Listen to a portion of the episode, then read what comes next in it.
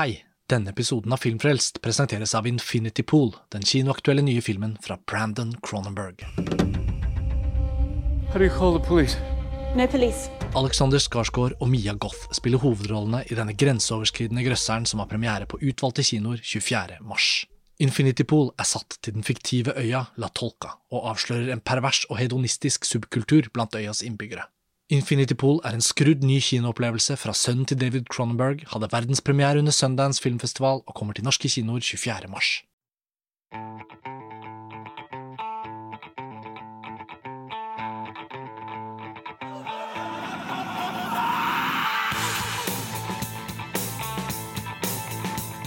Hei og velkommen til en ny episode av Filmfrelst.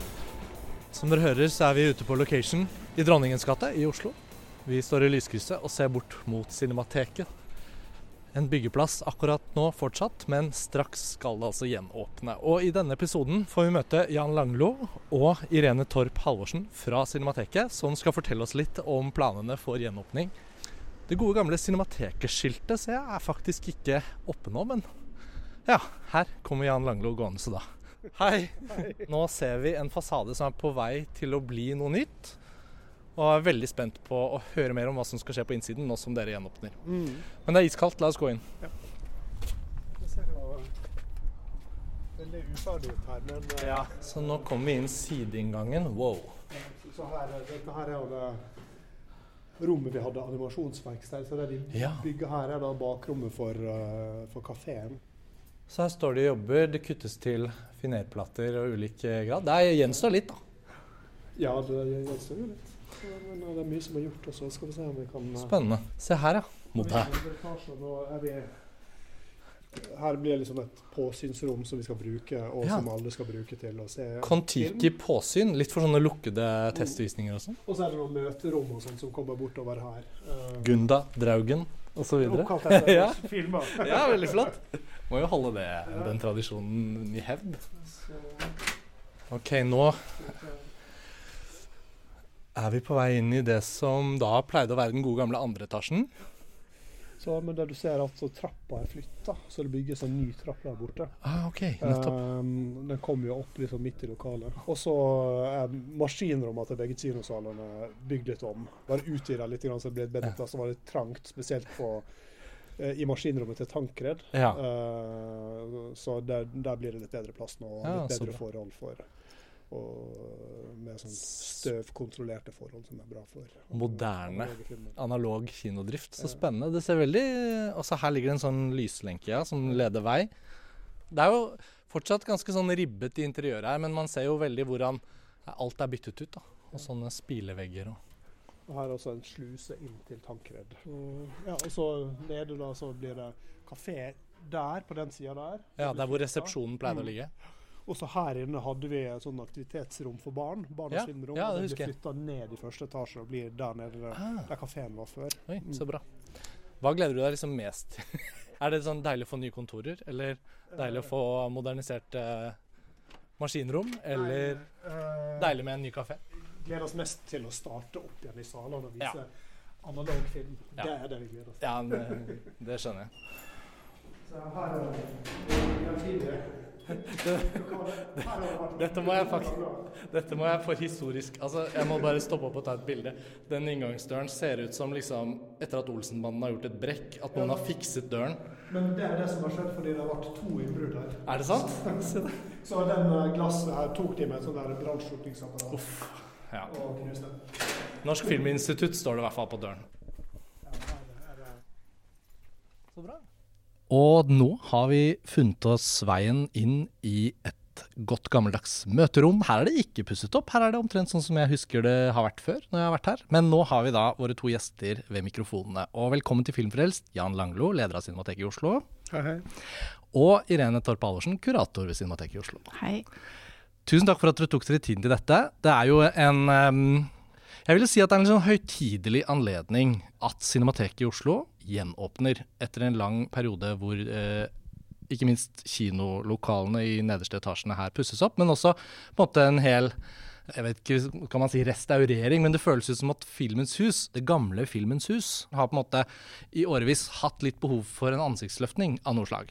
Og nå som det skjer, så er det jo innmari fint å kunne starte med at vi kommer til å returnere til Cinemateket, da, og Tankered og Lillebil og alt det nye som, som kommer. Så dere er her da for å fortelle oss litt om hvordan det står til med Cinemateket i Oslo, og hva som er planene for gjenåpningen. Og Jan, jeg tenkte vi kunne starte med det. Vi møttes jo ute på gata. Du tok meg gjennom noen av eh, rommene som nå er i innspurten av oppussingen. Mm. Hvordan har det vært å på en måte ikke ha de faste publikumsrommene og holde åpne for publikum nå? Fordi rett før dere startet oppussingen, så var det jo også en pandemi, som alle husker godt. Det har vært noen litt sånn urolige år. Mm. Hvordan er det å nå endelig kunne gjenåpne? Jo, vi ser jo veldig fram til å kunne starte opp igjen i egne saler. Vi har jo hatt et år da vi har uh, gjort ganske mange ting på, på Vega og på Kunstnernes hus og på Simra på Lambertseter, ikke minst, og på mm. Teknisk museum og i, i Kulturkirken Jakob. Og det har vært lærerikt, og det har vært ganske gøy. Og vi har hatt bra med publikum, veldig mange utsolgte forestillinger. og Prøvd litt sånn annerledes, uh, prøvd litt andre ting. Og um, følt at vi har til en viss grad nådd litt nye folk. Og også i en stor grad har vi tatt med en del av våre folk til andre kinoer. Sånn, mm. Folk som har sagt at de har altså vært på Symbra kino siden 70-tallet, som, som, vi har tatt med oss opp dit. Så det har vært eh, litt sånn der gjensidig glede ved det. Men det er klart, vi har savna kanskje først og fremst å vise analog film, som er liksom kjernen av det Cinemateket handler om. Mm. Og det har ikke vi gjort på lenge. Så jeg, jeg kan nesten ikke vente til å høre lyden av kinomaskinene ja. og, og, se filmen liksom uh, gå fra fra spole til spole i maskinrommet. Det har jeg virkelig savna. Det er sånn her et fysisk savn, nesten. Ja, mm. og det, er jo, det blir jo liksom et veldig markant savn fordi det er jo en del av filmkulturen som har forsvunnet mer og mer, da. Tiår for tiår, kan vi si, da, de siste 30 årene. Og um, jeg har jo vokst opp i denne byen og alltid hatt Cinemateket som et sted for både inspirasjon, men også ikke minst liksom å lære og, og, og forstå mer om filmkulturen. Og jeg tenker jo at det går så fort at unge generasjoner kommer til. Jeg merker jo ikke selv hvor gammel jeg blir. og så tenker jeg bare sånn, og Nå er det jo flere ledd av generasjoner som har viktige dannelsesår. da, og Når jeg tenker tilbake på 90-tallet, tenker jeg liksom, da Filmens hus her åpnet i 96, det var samtidig med at jeg fikk høre om Cinemateket første gang. Så jeg fikk aldri opplevd det Cinemateket som var et annet sted før det. Og så hører jeg, leser jeg sånn Grev Wedels plass. Oi. Ja, det var helt nytt for meg, på en måte. Og så tenker jeg på de som nå er i de årene hvor akkurat det skjer. da, Akkurat den filminteressen treffer. og det kan jo være veldig viktig at det får et sted å liksom oppsøke. Uh, så jeg håper ikke de som nå har vært litt sånn eller Vega har jo på en måte representert det, tror jeg, da, for en viss aldersgruppe. Og nå som de skal komme kanskje hit for første gang og se film på analog ruller og sånn, det, det, blir jo et sånt formidlingsopplegg også, da, nesten. Jeg vet ikke hvor mye dere føler at denne gjenåpningen også handler om å gjenfortelle og lære opp litt hva Cinemateket egentlig representerer. Men planen er uh, foreløpig ganske konkret. Dere har noen ting som ligger Dere kan ikke si så mye om hva som skal skje. Men uh, Irene, hva tenker du om alt dette? Jeg, om alt dette. det var et stort spørsmål. Jeg tenker, Med tanke på det unge publikummet, mm. uh, så har vi jo hatt alltid en sånn jevn rekruttering. Men jeg tror det at vi åpner nå, og den oppmerksomheten vi får rundt det, her, håper jeg jo veldig at vil tiltrekke et nytt publikum. Eh, I tillegg til at vi selvfølgelig vet og håper at kjernepublikummet vårt kommer tilbake. Jeg har også mine, stor del av min dannelse fra 90-tallet fra Cinemateket i Dronningens gate. Og vi starter jo med noe som er, jeg tenker er en veldig viktig del av det, som er veldig viktig for meg også, som er Stumfilmfestivalen. Mm. Vi starter med fire dager med stumfilmkonserter som er en helt eh, fantastisk inngang i filmhistorien. Og målet vårt med det er jo å vise at stumfilm er for alle. Du trenger ikke være en filmekspert for å ha glede av det. Mm. Og, for, og, også et ønske om å, om å vise hvor, eh, hvor vesentlig del av filmhistorien det er. Det er liksom 35 år med filmhistorie er stumfilm. Mm. Men at det er stumfilm betyr ikke at det er stumt i, i salen. ikke sant? Forestillingene har lyd allikevel. Og, og lyden hos oss musikken hos oss skal, kommer til å bli helt spektakulær, i tillegg til at filmene vi har valgt er veldig, veldig bra. Ja, jeg har sett litt på programmet. Du har jo med en liten flyer her foran deg. Og, og torsdag 27. april er jo da merkedagen. Jeg vet ikke om det skjer noe før det også? Det, nei, det er, nei, det er, det er dagen. Ja. Mm. Så vi har jo nå straks en påskeferie foran oss, og da er det sikkert veldig mye innspurtstemning her, kan jeg spå. Men um, vi kan jo bare starte med å snakke litt om det. da, for jeg tenkte jo at Invitasjonen til episoden var litt bare å få høre hvordan gjenåpningen vil utspille seg, og litt hva dere tenker og sånn. Men det er fint å høre litt om dette programmet også fordi jeg tror at det dere velger her, er jo noe som man aldri helt blir utlært i. da. Jeg har aldri møtt en person som har kunnet fortelle at de har et slags komplett forhold til stumfilmhistorien.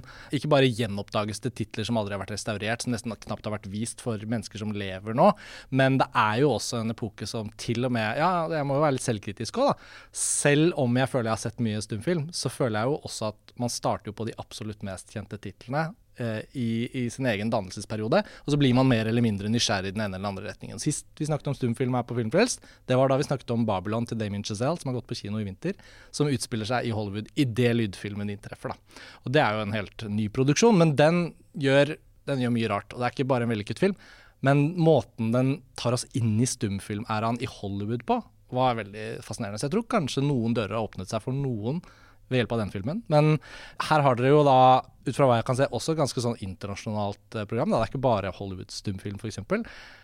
Har du, eh, hvem har lyst til å begynne å fortelle? Det, åpningsfilmen er The Wind. Jeg kan godt begynne. Jeg må Ja. bare du må gi deg selv litt slack, da. Det skal godt gjøres å være en stumfilmekspert når liksom 95% av filmene på de første 15 årene ikke fins lenger. Ja, det er sant. Det, Ja. det, ja. Men eh, jo, vi starter med en, eh, en eh, film av den svenske regissøren Viktor Sjøstrøm. Som dro til Hollywood og fikk lage filmer der. Så det er en amerikansk produksjon, selv om det er en svensk regissør. Den heter The Wind. Med Lillian Gish i hovedrollen. Og det definerer vi som et psykologisk western. Og jeg har faktisk ikke sett den. Har du, Jan? Nei, faktisk ikke. Vi har jo ingen kopi av den filmen. Nei. Og du måtte jo jobbe ganske hardt for å skaffe en 35 mm kopi. Det var en spennende i- intro. Ja. Dette. Så da kan jeg også si at jeg ikke har sett den.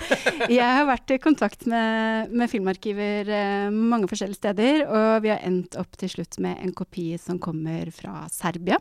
Wow. Som skal være en av de bedre eh, kopiene som finnes der ute av denne filmen, da. Så det, tror jeg, det blir jo da ganske spesielt for, for alle, Mm. siden vi ikke har sett den.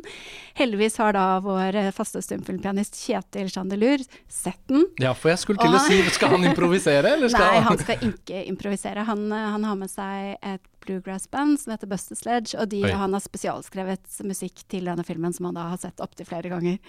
Altså Det høres jo virkelig ut som et event, ikke bare gjenåpningsfeiringsevent, som jeg tror vi alle kommer til å ønske å liksom være til stede på. Men, eh, men det høres jo også ut som at det vil være veldig mange som ikke har sett denne filmen. Den, har den, hva slags liksom, distribusjon har den eventuelt hatt i noen grad? Er det, Victor Sjøstrøm har jo en ganske sånn rik filmografi eh, som går over flere tiår. Ja, og vi har jo nesten utelukkende fokusert på den svenske delen av hans karriere. Ja, ja, ja. Også Sørkallen har jo vi vist veldig mye. Så gjorde vi også Ingeborg Holm for noen år siden, og, og vi har gjort andre. Men uh, jeg tror ikke vi har vist noen av de, amerikanske tinga i det hele tatt. Og når det gjelder The Wind, så kan det hende at noen, hvis du husker Todd Haynes sin film uh, som heter Wonderstruck, der bruker han mange klipp fra The Wind. Og det er kanskje en sånn reaktualisering av den filmen Ja. mm, som har plassert den litt på radaren igjen.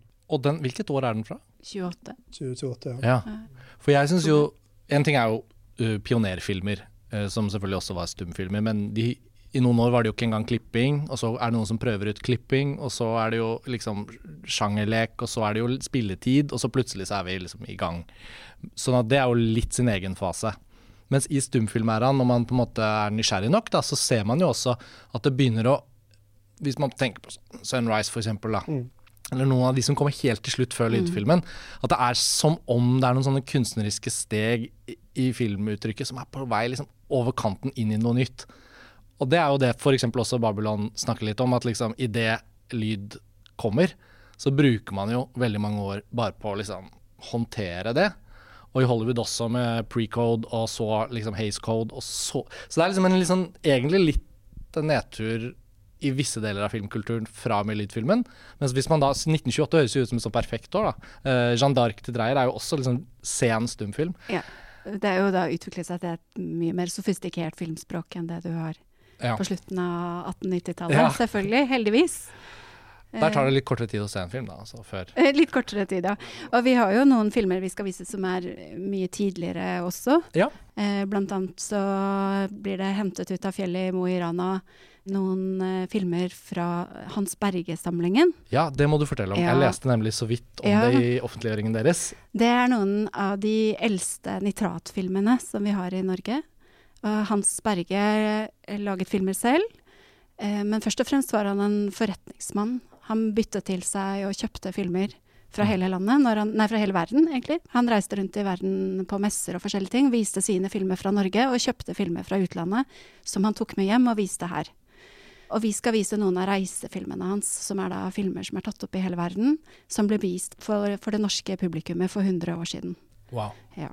Så Det det, er uh, veldig spennende. Og ikke vært vist så ofte, kanskje. Ikke vært vist ofte i det hele tatt. Uh, mye av det er nesten ikke vært vist. Uh, mye av det er Det er ikke woke, akkurat. Det er ganske sånn kolonialistisk blikk på verden. Ja, Dere får passe på å henge opp plakater rundt omkring i Tankred, så ingen blir Ja. støtt. da. Mm. Nei da, det er ikke slemt, men det er ikke, det er ikke noen filmer som ville vært laget i dag på Nei, noen Men det er jo måte. artefakter på en måte, og det som er på en måte dokumentarisk Det er historisk veldig tiden. spennende. eh, og noen av filmene de er jo som du sier kortere og teknisk mye enklere enn det man lagde bare noen tiår etterpå. Mm. Men det er jo noen teknikker som er ganske utviklet. F.eks. har noen av dem farge, eh, som er veldig Ja. gøy å se. Mm. Hvor mange år går de over de filmene? Er det Ja, han Det er vel fra helt starten av, eh, av eh, filmen til ute på 30-tallet, tror jeg. Ja, mm. så gøy? Jeg blir nesten nysgjerrig på de idémøtene dere har hatt nå for å planlegge dette. Liksom, hvordan, kommer, hvordan stiger liksom det valget der frem? Fordi jeg hadde aldri hørt om det engang, jeg, før Ja. jeg så de Det stiger frem fra eh, filmarkivar eh, Tina Steinkulle Ankarmann på Nasjonalbiblioteket, som jeg snakker mye med, fordi jeg syns det hun holder på med er så spennende. Kult. Ja. Og hun har jobbet med denne samlingen i, i flere år, Ja. og benytter enhver anledning hun får til å vise filmer fra den.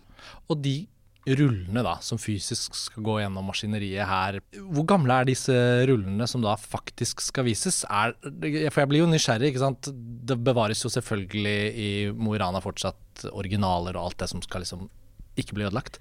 Men hva er det som hentes fram her? Eh, Det vi viser, eh, restaureres nå. Mm. Ja. Ok. Eh, Eller har blitt det de siste årene, eller blir det nå før fram til festivalen?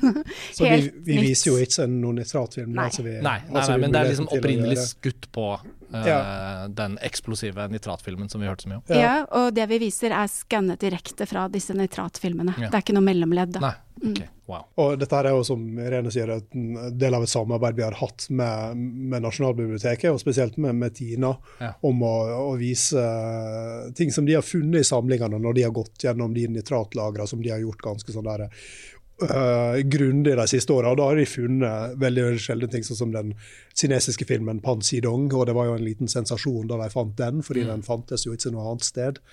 Uh, og også den uh, ene Disney-filmen. som- som de Ja, det husker jeg ble en sånn verdensnyhet. Eh, Det er jo fascin- altså det Hele det detektivarbeidet, arkeologien i filmbevaring, filmarkivering, men også fremvising for nettopp å Hvis det bare skal ligge der på rull, så på en måte finner de jo ikke noen nye øyne å, å fascinere. Nå skal ikke jeg nevne alle tidspunkter og datoer for det vi snakker om, men jeg tenker jo at publikum Det er jo et oversiktlig program.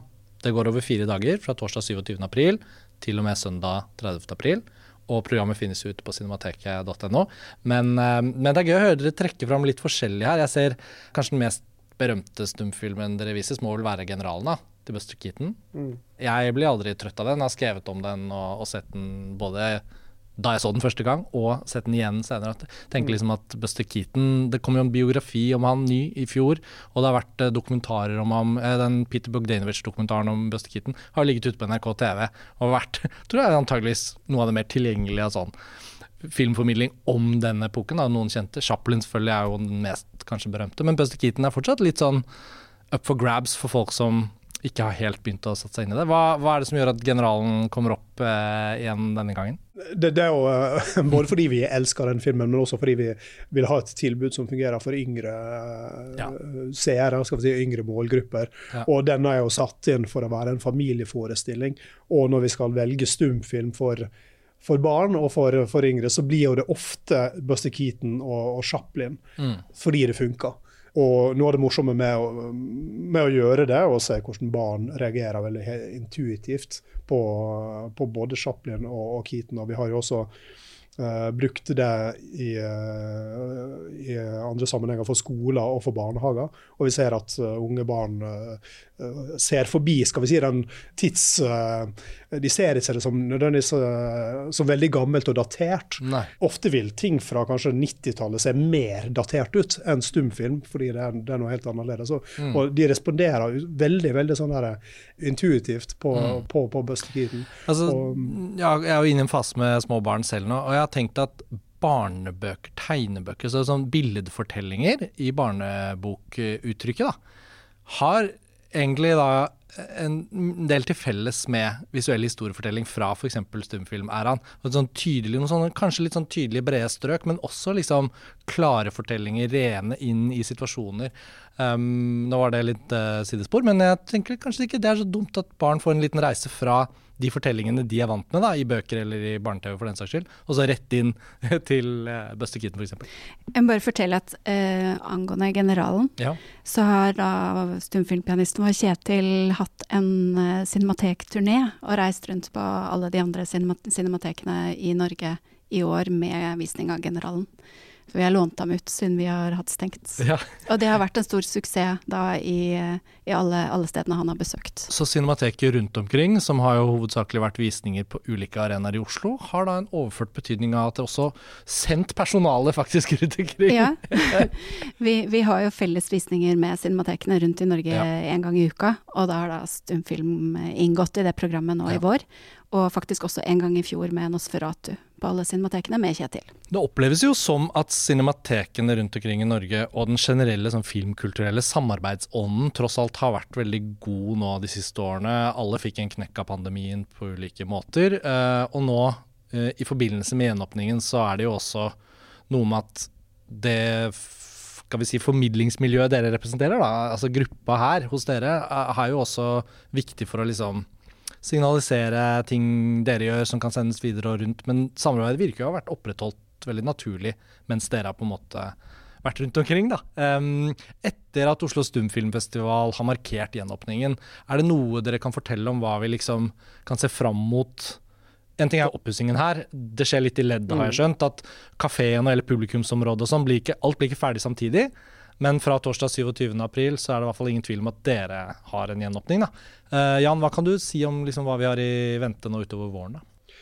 Um, det første var at vi ønska å lage en sånn, si, en gjenåpningsfestival som uh, uh, skal vi si, full av festtaler og ballonger. Vi hadde lyst til å åpne igjen og så gjøre det vi gjør. Ja. Og gjøre det så godt som vi klarer. Mm. Og Stumfilmfestivalen er jo kanskje det beste vi har å by på. Mm. Um, og så gikk vi ut i, i, januar og spurte publikum om hva de hadde lyst til å se når vi åpna igjen. Og så fikk vi overraskende mye respons. Det dundra jo.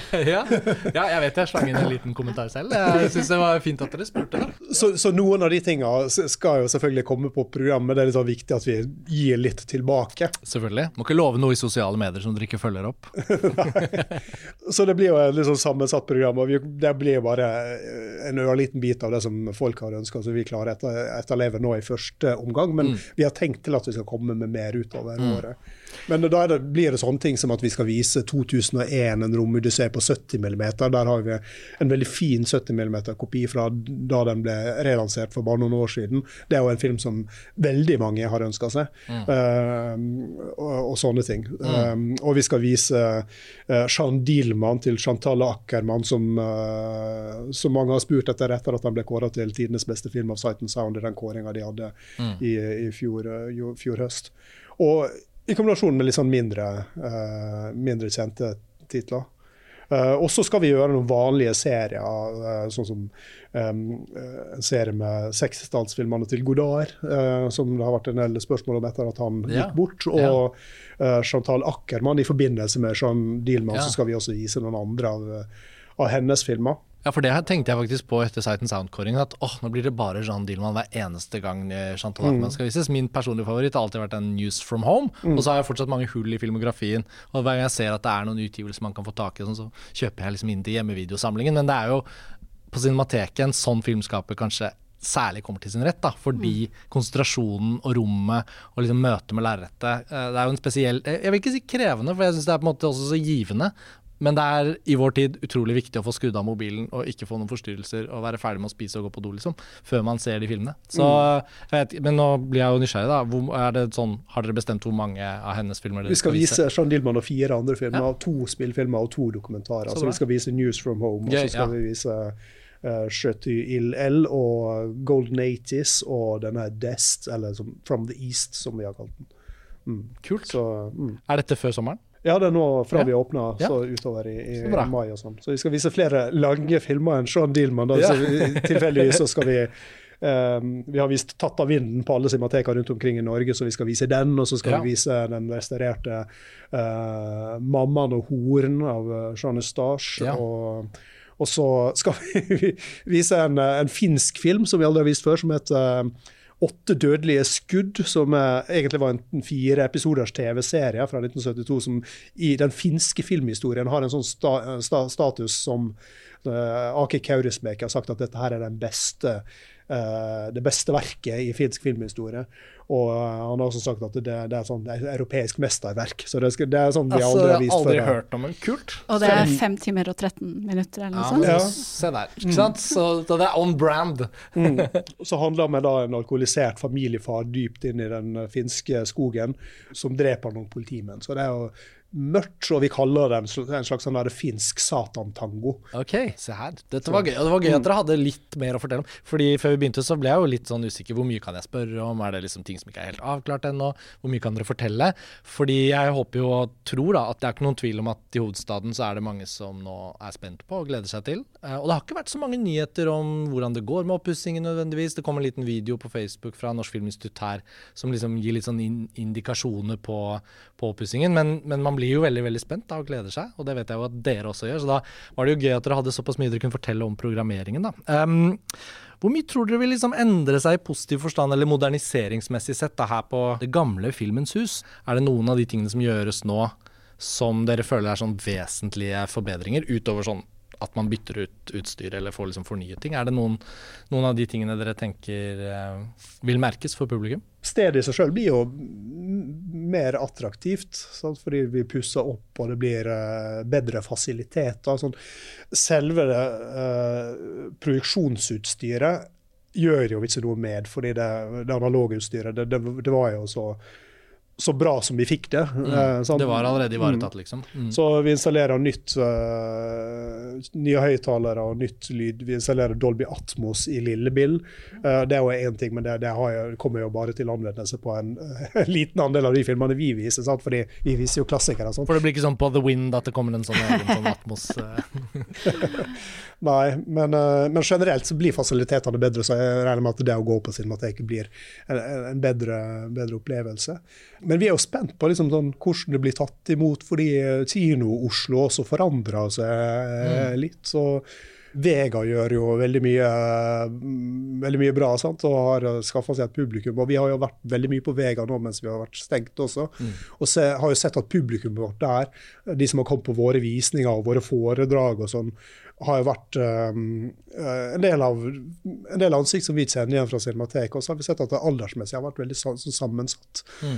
Hyggelig å se at det kommer ganske unge folk og, og på foredrag om Erik Romer, f.eks. At det kommer noen som er i slutten av tenåra eller begynnelsen av 20-åra. Uh, som er sånn skal vi si, ny, folk som har en helt sånn ny filminteresse, og som er interessert i å gå inn i, i, inn i filmhistorien. Og um, før vi stengte også, så husker jeg jeg sto i døra når vi skulle vise 'Stalker' av Tarkovskij, og så hvor mange unge som kom da. At det var så bare de som husker den fra, fra en eller annen gang tidligere. Men jeg håper at når vi åpner igjen, så er det mange unge som begynner å bruke det aktivt. Og, og kasta seg inn i filmhistorien. Mm. Og det er jo ikke noe å legge skjul på at lokalene var slitne. Publikumslokaler og toaletter og alt sammen ikke mm. så så pent ut lenger. Så det er klart at det, den fornyelsen vil man jo se med en gang. At det ser åpnere ut og lysere, at fasaden ser annerledes ut. Mm. Det vil bli lysskilt på fasaden litt annerledes enn før, men det vil komme opp igjen. Uh, det blir en ny trapp som jeg tror blir kjempefin. Um, og denne oppussingen har utløst uh, midler fra Koro, så det blir et sånt Koro-kunstverk som da vil henge ja. ved trappen der. Så det vil jo bli endringer som, som alle publikummere vil nyte godt av. Ja. Mm. Oh, jeg gleder meg. Jeg merker skikkelig jeg gleder meg. Toaletter man kan låse. Oh, utrolig. Det er jo en kjempefordel. Um, jeg, jeg tror ikke jeg har flere sånne gravende spørsmål om programmet og sånn, fordi jeg vet at dere har dere har fortalt om hva som gjelder for åpningen. Og så følger jo vi selvfølgelig i montasje på et ansvar for å fortsette å formidle om alt som skjer både her og andre steder i filmkulturen. Um, jeg syns det har vært veldig fint å se at på tross av at man selvfølgelig konkurrerer litt og sånt, så er det jo noe med at Kino Oslo med Vega, som du nevner, Jan, med Nordisk Filmkino, Odeon, hvor det også nå i større grad enn før, syns jeg, også inntreffer visninger med litt sånn retrospektiv tilsnitt, kanskje med kommersielle ting, liksom sing-along til noe Grease eller noe sånt. Altså sånn, det kan like gjerne skje her, men det skjer plutselig også andre steder. Så det er litt sånn oppmuntrende, tenker jeg, da. For det er så mye sånn doom and gloom rundt kinokultur. Og etter pandemien så er det liksom som om folk står i kø for å fortelle om kinoens død. Og Heldigvis har jo kinoens død blitt proklamert veldig mange ganger opp gjennom filmhistorien. Og jeg tenker jo bare at utfordringen er å møte publikum med noe som kan gi dem et lite blikk inn i noe som fascinerer dem. Og det vil være like viktig for dem nå som det var før. da. Mm. Og den unge generasjonen så tenker jeg ofte at det må være veldig trøttsomt for dem å bare være på disse skjermene. Så jeg tenker jo kanskje enda mer for dem vil jo være noe nytt og kanskje litt sånn retrokult. da. Vi får mm. håpe det. Irene, du skal jo videre til en film, så det passer jo veldig bra å bruke bra. det som en liten avslutning. Jan, eh, takk til dere begge for at dere fortalte. Og da håper vi at lytterne også stiller seg i kø og kommer opp den nye fine trappen, hvis den er åpen, til 27.4. Og så gleder vi oss til å se dere på Cinemateket igjen utover i året. Takk. Takk, takk for nå.